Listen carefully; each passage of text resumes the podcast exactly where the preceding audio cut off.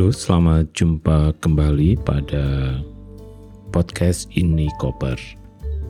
Inspirasi untuk komunitas perubahan. Saya Dani Wahyu Menggoro dari Inspirasi Tanpa Batas atau Inspirit.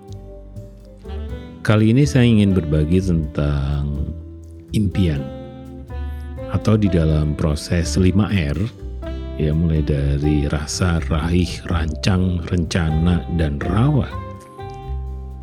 Raih adalah bagian dari bagaimana kita berlatih bermimpi. Mengapa bermimpi menjadi sesuatu yang menarik di dalam sebuah pendekatan untuk mendorong perubahan? Karena terus terang dari pengalaman ngobrol ya dengan banyak orang, salah satu kelemahan kita adalah bagaimana membayangkan masa depan yang ingin diwujudkan. Atau di dalam bahasa proyek adalah apa sebenarnya dampak yang ingin kita ciptakan dengan kegiatan-kegiatan yang kita rancang. Banyak keluhan bahwa kegiatan banyak, laporan bagus, hanya dampak kecil. Nah, ini yang menjadi satu catatan menarik adalah memang ada satu tantangan bagaimana sebenarnya kita merumuskan impian-impian yang ingin kita bangun. Kebanyakan impian-impian itu yang saat ini ada biasanya berhenti di tataran misalnya adanya sebuah kebijakan. Nah, dengan cara berpikir seperti ini, seolah-olah bahwa sistem atau governance yang ada di Indonesia itu sudah berjalan dengan baik. Jadi apa pun yang kita perjuangkan ujungnya adalah kebijakan. Yang ingin saya garis bawahi adalah bahwa di dalam pendekatan untuk membayangkan impian, sebenarnya kan yang kita ingin bangun tatanannya, tatanan komunitasnya. Karena itu di dalam banyak referensi, memang terjadi gap antara apa yang kita bayangkan untuk melakukan advokasi dan diserahkan seluruh perjuangannya adalah kepada pemerintah. Dan ujung-ujungnya adalah kebijakan atau regulasi.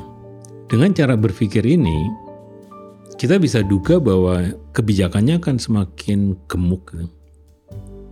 Karena itu Mengapa ada orang yang berpikir untuk menyederhanakan itu semua? Karena sebenarnya kebijakan-kebijakan itu akhirnya juga tidak dilakukan karena masalah anggaran, masalah kelembagaan, masalah sumber daya manusia, dan juga masalah prioritas. Karena itulah sebenarnya waktu tadi kita berlatih tentang impian, saya sebenarnya ingin mulai dari impian-impian yang lebih kecil dibandingkan impian-impian yang lebih besar dulu. Latihan seperti ini penting untuk meyakinkan pada para change maker bahwa perubahan-perubahan kecil kalau itu bisa di apa, dilakukan atau di dibuktikan, maka sebenarnya adalah bahwa kita bisa bergerak maju lagi untuk membangun komunitas-komunitas progresif ini. Jadi saya selalu membayangkan sebenarnya adalah bahwa komunitas-komunitas progresif inilah yang kelak akan melakukan advokasi. Nah, advokasi ini pada akhirnya karena gerakannya itu masif, maka kalau ada hal-hal yang merugikan masyarakat, itu akan otomatis dilakukan advokasi serentak oleh komunitas-komunitas progresif.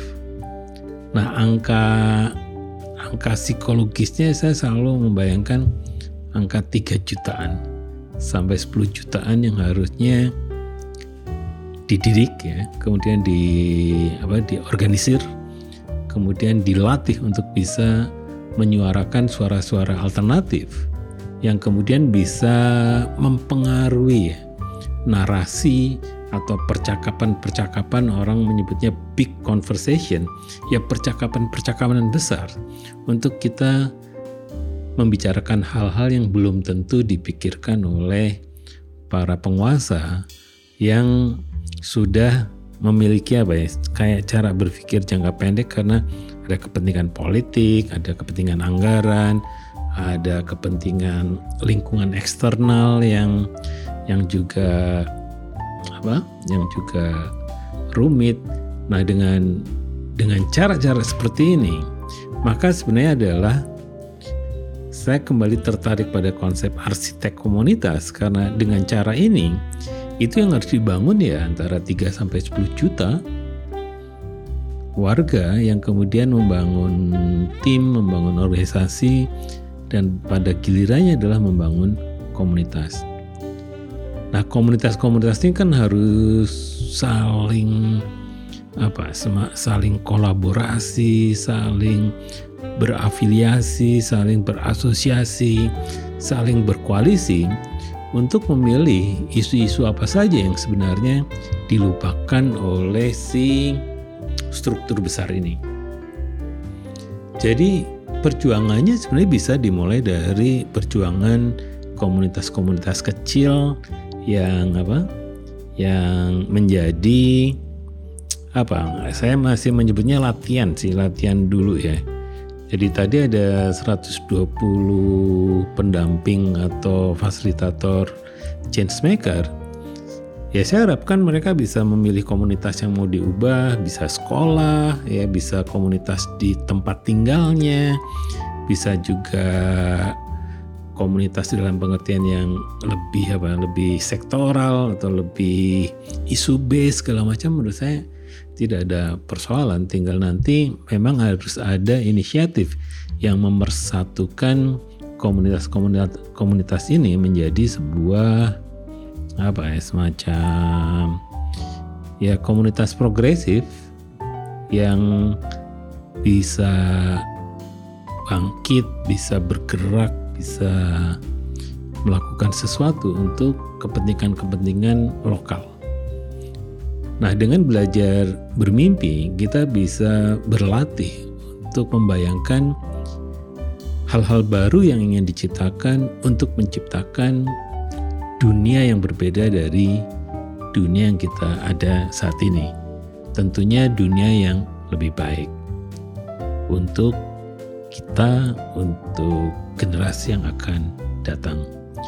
Demikianlah isi ini koper kali ini. Saya Dani Wahyu Menggoro dari Inspirasi Tanpa Batas. Kami di komunitas perubahan percaya bahwa berbagi apa pun akan bermanfaat bagi komunitas perubahan. Sampai jumpa pada edisi berikutnya.